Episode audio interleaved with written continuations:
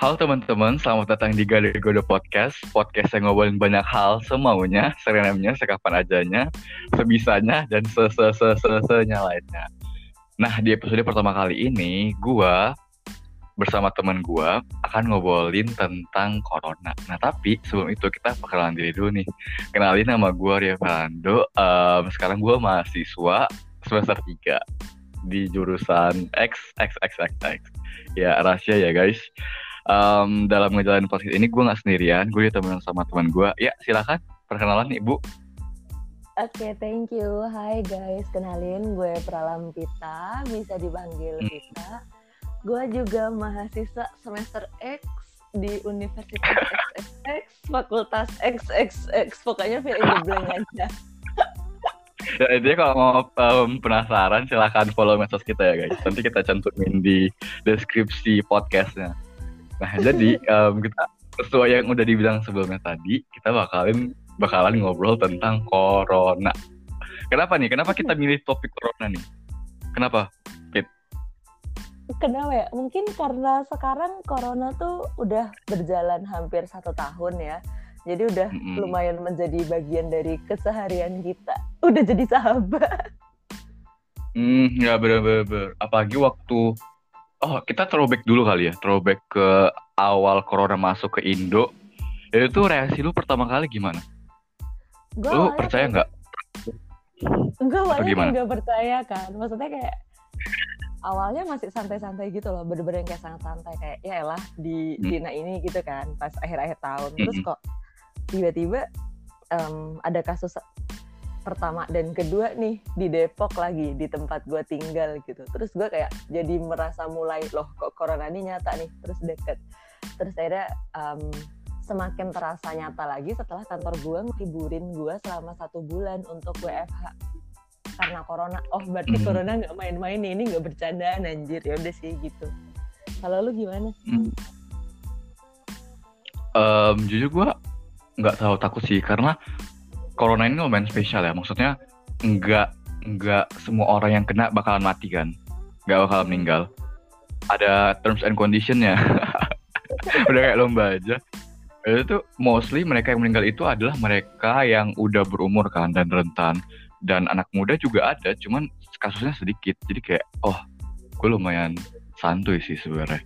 Tapi hmm, agak sombong ya Pak jangan muda.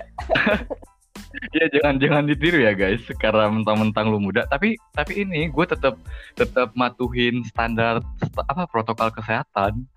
Oh ya. Iya, iya. Oh, iya, rada kaget gitu kaget gak sih? Kayak tiba-tiba harus di lockdown gitu. Eh parah. Tiba-tiba di lockdown terus kayak tiba-tiba di tempat tinggal gue di pip itu tuh kayak ih ayo seluruh anak-anak pulang gitu ih gila terusir dong parah deh kaget banget. Udah gue tahu-tahu kantor diliburin tempat tinggal diusir-usir. Aduh nggak paham lagi. Gua, berarti ya kayak emang bener-bener nyata. gue gak dibolehin bokap gue pulang. Ya kata lu aja deh gimana gue harus ke mana nih? Diusir dan bokap gue kayak lu jangan pulang dulu dah kayak gitu. Aduh sangat nyata. Hmm karena daerahnya ini ya zona zona terlarang ya. Jadi nggak boleh pulang ke tempat asal. Ya sih. Um, terus gimana gimana awal-awal lu adaptasi dengan um, corona ini? Gua apa ya awal-awal adaptasi adaptasi gue awal-awal adaptasi stres tau. Eh lu stres gak awal-awal banget? Awal-awal gue seneng. Seneng banget anjir kayak Marah. wow libur kuliah. Terus kuliah dari dari dari rumah dari kayak asik banget. Terus bisa main-main kan sama teman-teman kayak ini ini kan gue masih muda gue santuy aja gitu.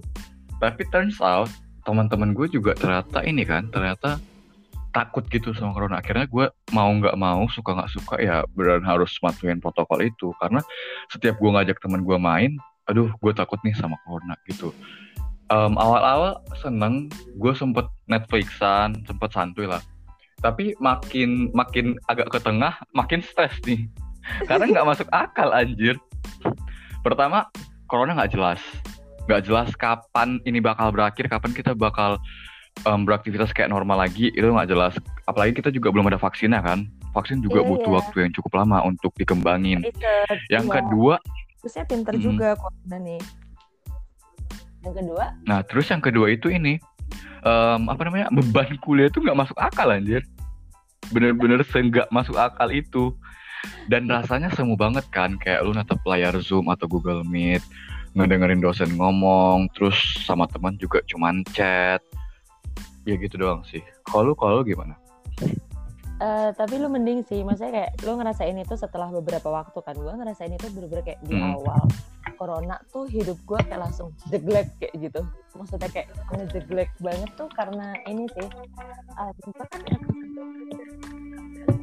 aku dan WFH semua itu bener-bener berasa banget loadnya jadi lebih tinggi yang emang harusnya gue kan five jadi kerja kayak 24 per 7 harus bener-bener ready on call setiap saat. Bener-bener gue bangun subuh nih yang chat tuh bukan pacar gue tapi bos gue gila itu rasanya stres banget. Terus lagi ada teman kuliah kan dan itu semua serba di depan laptop um, selain maksudnya selain loadnya tinggi dan jenuh ngeliat laptop uh, ada hmm. load posisi karena um, apalagi di kerjaan ya koordinasi itu akan lebih tetap lebih efektif dan lebih enak ketika lo face to face kan kalau ini pasti ih ada sih salah paham udah kena sama kali-kali juga cara kayak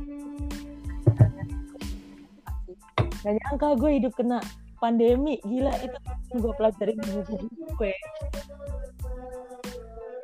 tapi itu ini menarik sih. Jadi sebelumnya lu sebelum pandemi kerja 9 to 5, bener ya? Iya dong. Setelah pandemi lu kerja 9 to 9 ya? Nggak ada break.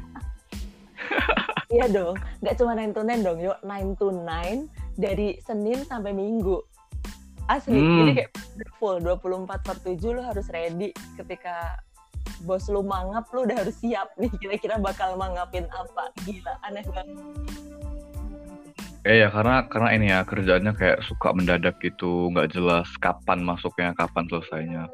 Mm-mm. Tapi itu mm, berpengaruh ke kesehatan lu nggak? Kesehatan apa pun deh, mental kah atau fisik kalo, atau gimana? Kalau stres kan pasti ya. Gue gue tadi udah mention berkali-kali mm. gue stres mampus, apalagi gue anaknya ekstrovert kan, gue nggak ketemu orang, aduh mm. mau meninggal terus um, pas awal-awal mungkin karena gue failed untuk beradaptasi mungkin bukan failed sih belum siap hmm. kali ya dengan yeah, yeah. seperti itu workload yang seperti itu terus gue drop deh karena kayak kurang tidur gitu. Oh sampai berpengaruh ke jadwal tidur ya? Iya dong ya gila aja. Misalnya kayak lu harus bener-bener ready nih. Kadang-kadang bos lu ngechat lu kayak jam satu terus kayak tau-tau jam 5 pagi. Wah gila itu bener-bener mana sambil kuliah sambil kerja. Wah gila. Um, itu risiko yang harus gue telan sih. Bukan berarti terus gue tidak menerima apa yang dilakukan sama institusi terhadap gue ya. Cuman emang hmm. Hmm, gue adaptasinya lumayan lama jadi terus gue ngedrop gitu karena pola tidur kacau kan bener-bener itu tidur paling cepat jam 5 pagi dan gue harus bangun jam 7 pagi untuk stay kerja gitu wow Wow, wow, wow, wow, wow. Keren banget. Emang lu itu harusnya itu enggak sih. sih. Enggak sih, ini ya, um, kalau itu anak kuliahan doang mungkin nggak akan separah itu sih. Tapi kan ini case-nya berbeda ya. Lu kan sambil iya, kerja kan. Iya betul. Kalau gua kan bebannya kuliah. Apa? Sampai putus lo gue. putus sama pacar. Iya parah, udah nggak ketolong lagi nih. ya ampun, terus berduka, berduka cita ya bun atas matinya hubungan dengan mantan. Nggak ya, tapi itu akan disimpan. Iya, iya sih maksudnya mati hubungan pacaran ya, ya bertemannya tetap berteman kan. itu akan disimpan, jangan dilanjut ah. Ya, itu akan disimpan di topik lainnya. Hmm, jadi ya it, tapi itu parah banget sih maksudnya lu ba tidur baru jam 5 pagi dan harus bangun tuh harus bangun jam 7 atau harus udah ready di kerja jam 7 um, ready di kerja jam 7 sih karena tuh Dianes bos gue aja tuh jam 5 pagi udah ngechat kan dan kayak kalau gue lama tuh dia kayak pasti wow. dulu nih lama gitu. Gitu deh. Wow. Sampai itu capek banget gak sih?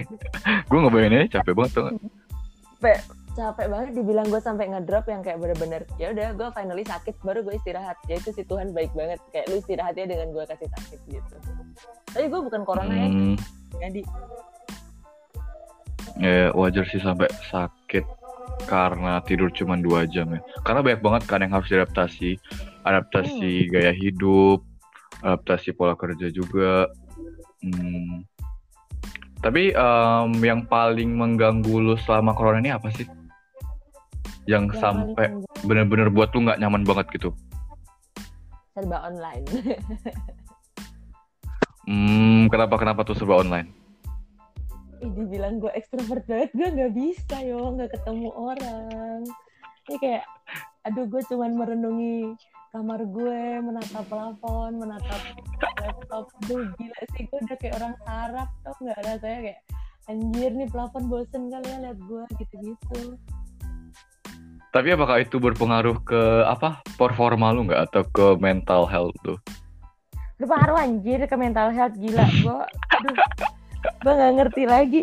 Gue kayak pengen aja ya Allah semoga nih plafon bisa ngomong kalau enggak aduh gila gue udah kayak orang autis gitu ya aduh nggak ngerti deh berpengaruh sih berpengaruh karena terus um, gue merasa sendiri merasa sendiri banget ditambah itu tadi kalau komunikasi nggak enak sama orang lain karena kayak harus seperti online itu lumayan nguras emosi tau lelah emosional gitu loh. Bukan lelah lu harus beraktivitas mobile dari lokasi A ke lokasi B tapi lelahnya lelah emosional gitu. Padahal kita nggak maksud gitu tapi orang yang nangkepnya kayak gitu kayak ya udah stres aja gitu.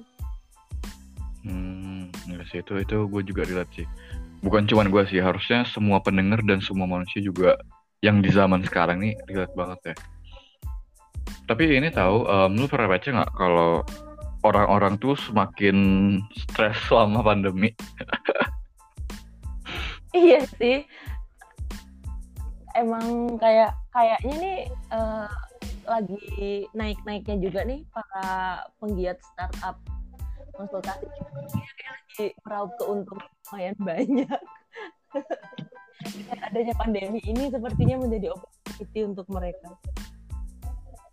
Udah parah sih ya. Mereka pasti sangat profitable ya karena karena banyak yang pakai jasa mereka kan. Dan hmm. um, stres itu berpengaruh juga nggak sih ke kesehatan kita?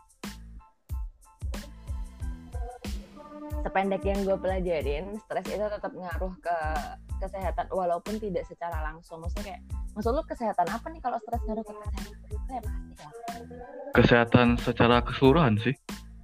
Oh oke. Okay kesehatan secara keseluruhan sependek yang gue belajar yang ngaruh maksudnya kayak karena lu stres berarti yang pasti mental lu terganggu kan terus selain itu uh. lu stres um, tubuh lu tuh juga akan tertekan gitu loh dalam memproses apa-apa yang harus diproses oleh tubuh. Dan itu juga bisa ngaruh ke imun lo gitu.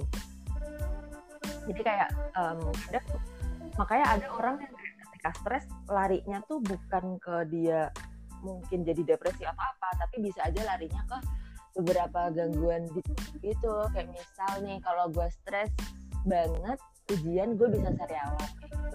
Ada lagi teman wow. stres sebetulnya kayak mual-mual kayak itu jadi emang akan ngaruh ke performa tubuh as in itu ya apa sih fisiologis gitu fungsi-fungsinya dan ngaruh juga ke imun hmm Terus terus terus lu gimana kan? Kan lu ekstrovert mampus ya. Parah men. Ekstrovert mampus. Itu apakah apakah lu sampai stres yang kayak stres gitu terus berdampak kayak yang tadi lu bilang?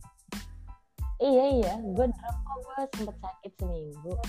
Karena stres itu terus sama dokter gue kayak dibilang nomor satu banget yang harus dieliminasi itu stresnya gitu. Baru deh nanti didukung dengan beberapa apa sih kiat-kiat tahulah kiat-kiat kesehatan yang pada umumnya. Baru nanti kamu akan benar-benar sehat kata dokter aku. Kata dokter gue. Aduh anjing hmm, jadi dokter itu menempatkan stres di posisi pertama ya sebagai masalah yang harus diselesaikan benar-benar karena dia karena dia bilang kayak gini ya kalau lu masih stres mau lo mencoba untuk pola hidup sehat tidak akan secepat itu juga recovery-nya. Jadi nomor satu harus stresnya dulu sih. Coba latihan diletakkan beban-bebannya sehingga um, setelah itu lo bisa nyusun kehidupan lo dengan lebih rapih lagi. Itu deh pokoknya. Aduh, berat banget nih bahasannya pun meletakkan beban-beban kehidupan. Aduh, gua gua gak, agak agak gimana ya? Agak agak deg-degan membahas topik ini. terus terus gimana gimana cara meletakkan beban-beban beban-beban apa namanya beban-beban hidup ini tuh be honest gue masih gak ngerti sih maksudnya kayak gue aja tuh kayak gak terima gitu loh gue sakit karena kondisi pas itu gue sehat-sehat aja. Eh tahu-tahu dokter gue bilang kamu tuh nggak sehat gitu. Terus gue kayak hah serius? Terus begitu cek lab ternyata gue beneran nggak sehat kan. Terus um, jangan satu sih jangan dipaksa. Maksudnya kayak kenapa jangan dipaksa? Um, dengan load segitu lo harusnya um, bisa ngekontrol diri, diri lo sendiri gitu.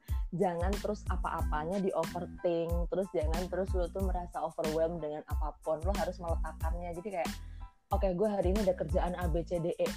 Jangan lo pikirin mulu gitu. Jadi kayak lo lo letakkan kayak ke buku atau ke hal-hal lain sehingga jangan ditaruh di ingatan lo lagi. Itu sih salah satunya kata dokter gue. Terus kayak dokter gue juga bilang kayak kalau emang sempet meditasi lo harus bisa yang namanya ngerasain right here right now mindfulness. Jadi lo tuh benar-benar menyadari dan menikmati setiap nafas yang lo tarik dan lo hembuskan.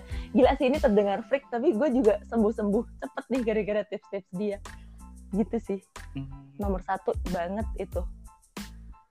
Iya, kalau kalau kata orang tua tuh dulu bilang penyakit kita tuh kebanyakan dari pikiran gak sih? Asli dari pikiran dari hati ya kan? Hmm, iya ya benar-benar tapi masalahnya adalah banyak orang yang kayak nggak nggak apa ya nggak menginvestasikan kesehatan mental kesehatan hati ya kesehatan jiwa lah ya kita bilang ke dalam pengaturan atau kehidupan sehari-hari nggak sih? Yang kayak selalu diutamakan yeah. itu kesehatan fisik fisik fisik fisik.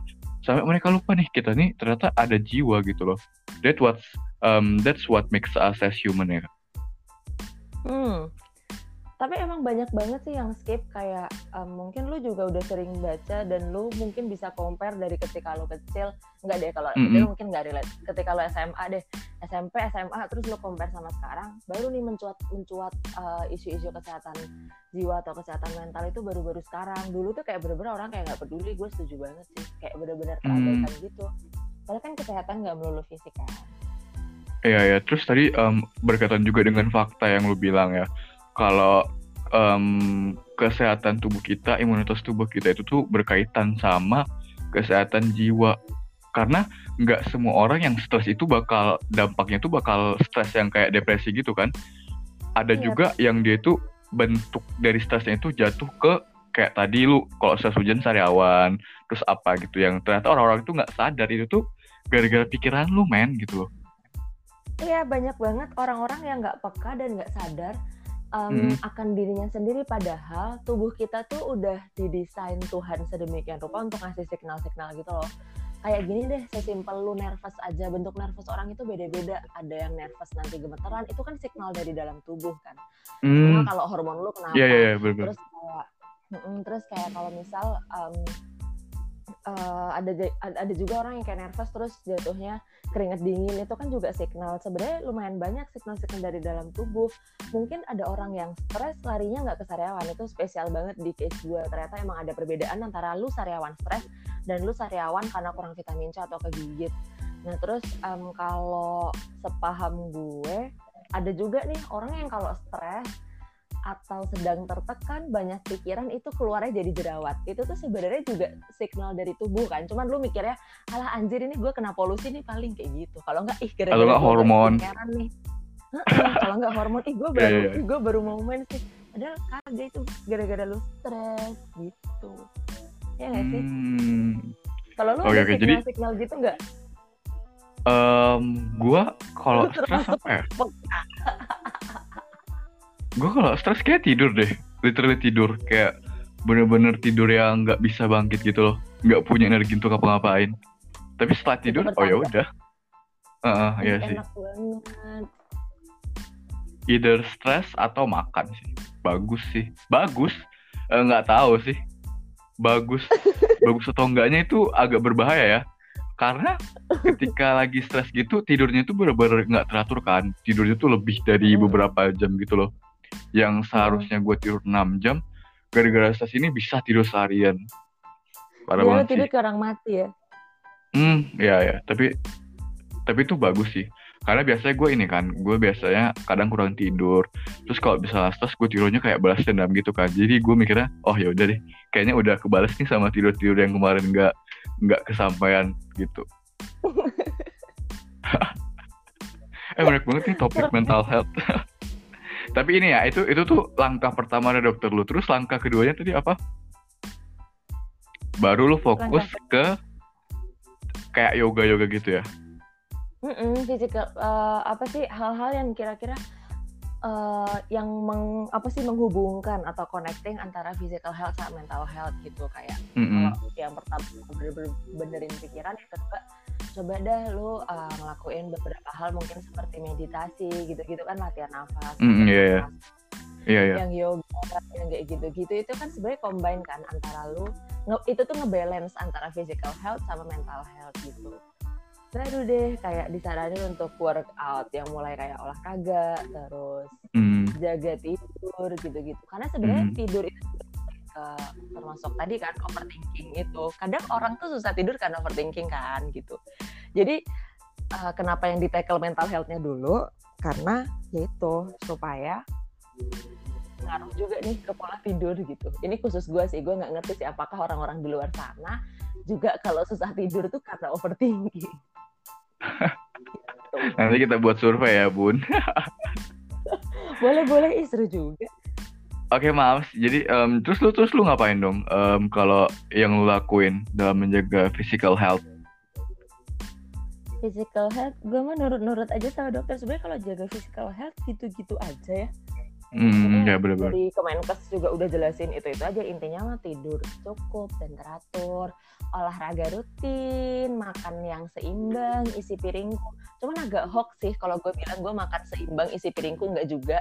Yang gue lakukan hanyalah nambah asupan sayur aja gitu. Karena kalau gue harus ideal isi piringku tuh biasanya gue belum bisa dan gue nggak mau bullshit. Tapi dengan dengan gue memperbanyak konsumsi sayur dan buah itu tuh lumayan ngebantu gue recovery dari yang kemarin gue sakit terus ini sih penting banget air putih minum air putih parah karena gini akan parah banget ketika lu terus karena loadnya tinggi terus nanti kayak ah gue begadang ah gue begadang. Udah tidur lu hancur lu begadangnya dibantu sama kopi sahabat tercinta. Wah udah makin makin tuh sama gue sih kalau gue? Lebih aneh hmm. Tunggu tunggu. Sebelum sebelum ini ya, gue gua bukan anak FKM ya, bukan anak FK juga. Isi piringku apa tuh? Aduh. Isi piringku tuh apa, Mams? Aduh, Mams, tolong dong. Seperti soal ujian gizi. Isi piringku tuh uh, dari pemerintah, yang mana hmm. pemerintah tuh udah membagi-bagi satu piring itu tuh ke hmm. dalam beberapa bagian di mana didominasi oleh sayur dan buah kayak gitu. Jadi kayak if I'm not mistaken sayur dan buah itu 3 sampai 4 porsi gitu deh intinya dibandingkan dengan sebagainya. Nah, gue nggak masih gak bisa nih kalau harus ideal isi piringku. Cuma nanti tolong deh mungkin teman-teman juga bisa search nih. Teman-teman pendengar gado-gado, boleh banget teman-teman nyari tuh apa tuh isi piringku gitu karena aku takut aku salah. Hmm, ya. Jadi um, teman-teman boleh di search untuk lebih pasti ya, karena kita takut menyebarkan informasi yang salah. Um, isi piringku berdasarkan Kementerian Kesehatan Republik Indonesia itu gimana? Dan jangan cuma dicari, tetap harus dipraktekin ya, biar ilmunya bermanfaat guys. Ya, jadi um, in apa gimana? Enggak lanjut. Jadi jadi. Jadi in short itu ya ya lu harus seimbang kan, harus balance antara um, physical health dan emotional health. Jangan sampai yeah, lu no. menjaga badan dan lupa menjaga hati dan pikiran kan. Itu tuh sedih oh. banget sih.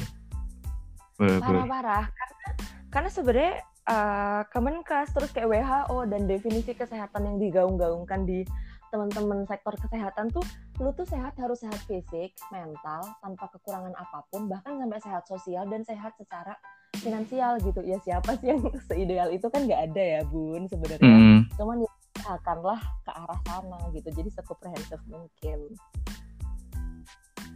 Ya, ya. Um, itu ada ada tiga topik ya sebenarnya kesehatan itu. Kesehatan itu bisa dibagi jadi tiga. Kesehatan apa badan, um, empat sih kayaknya tapi kalau nggak gue salah kesehatan badan kesehatan jiwa kesehatan sosial sama kesehatan finansial ya sosial nih hmm. sosial yang kayak hubungan baikku dengan orang gitu ya iya iya benar relationship lu sama orang relationship lu sama uh, masyarakat ya itu gitu gitu hmm. Tapi kalau di Indonesia okay. ada tambahannya dan spiritual Apa? eh jangan gitu dong ntar kita kena UU ITE gitu. bun agak agak mengarahkan ke mana ini bun ya nggak nggak nggak sih intinya apa pun agama lu apa pun yang lu percayai ya ya silakan aja gitu lu beribadah dengan apa yang lu percaya dan sesuai ketentuan dan nggak melanggar kebebasan orang dan nggak merugikan orang lain sih. Iya, Kalau emang lu nyaman dengan apa namanya agamanya gitu ya terus terus ya, gimana caranya tetap ada pegangan um, hidup Iya, pegangan hidup. Terus gimana caranya bisa stay connected dengan orang lain secara um, socially selama corona ini? Lu gimana? Kalau gue ya, kalau gue, kalau gue, ya, kalau gue akan, kalau gue akan Among Us, Among Us lagi tren banget anjir. Among parah, Us parah. or um, video call sih, video call lumayan karena kayak nggak ya? semu kan mm -mm. lu nggak pernah video call gue dasar sombong Iya, jijik. Kalau lu gimana? Kalau gue, eh tapi asli sih um, setelah lama-lama dinikmati, weh, setelah sudah bisa meletakkan segala beban itu dan gue udah mulai menerima rutinitas mm. baru corona, um, entah kenapa orang yang dulunya tuh nggak terlalu deket malah jadi deket sih lucu juga sebenarnya. Hmm.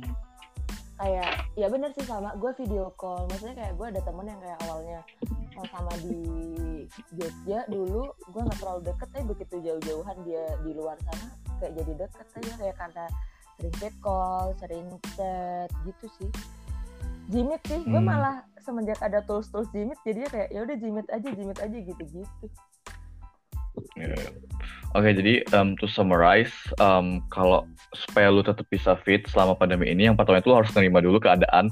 Kalau emang kita tuh lagi pandemi dan harus terpaksa, hmm. terpaksa harus ngikutin protokol dan lalala aturannya demi kebanyakan bukan cuma lu doang, tapi juga untuk banyak orang kan. Ini tuh menyangkut kesehatan satu bangsa. Terus yang kedua itu tuh jaga kesehatan jiwa dulu. Karena jiwa dan badan itu sangat terhubung, sangat-sangat terhubung. Dan banyak orang misunderstanding kalau ketika lu stres um, ya bakal efeknya depresi dan segala jenis mental health problems. Padahal ternyata itu tuh related banget dengan kesehatan ji apa kesehatan badan lu terus setelah lu berhasil um, menjaga apa kesehatan pikiran lu lu baru nih um, nerapin langkah-langkah yang sebenarnya nggak ada yang unik, nggak ada yang spesial, yang standar aja. Gimana caranya secara physically lu bisa tetap sehat. Dan yang terakhir adalah jangan gara-gara corona yang kita itu terpaksa jaga jarak, hubungan kita dengan orang lain itu juga terputus gitu. Nggak mungkin kan, apalagi kan sekarang kita ada digital media dan social media dan sebagainya. Jadi nggak ada tuh alasan um, lu nggak bakal terhubung dengan orang yang lain. Oke, okay. thank you banget Pete um, untuk nyempetin waktu di podcast ini. Um, buat teman-teman pendengar, semoga bermanfaat. Um, terima kasih juga udah teman-teman meluangkan waktunya dan see you in another podcast. Bye guys. Bye.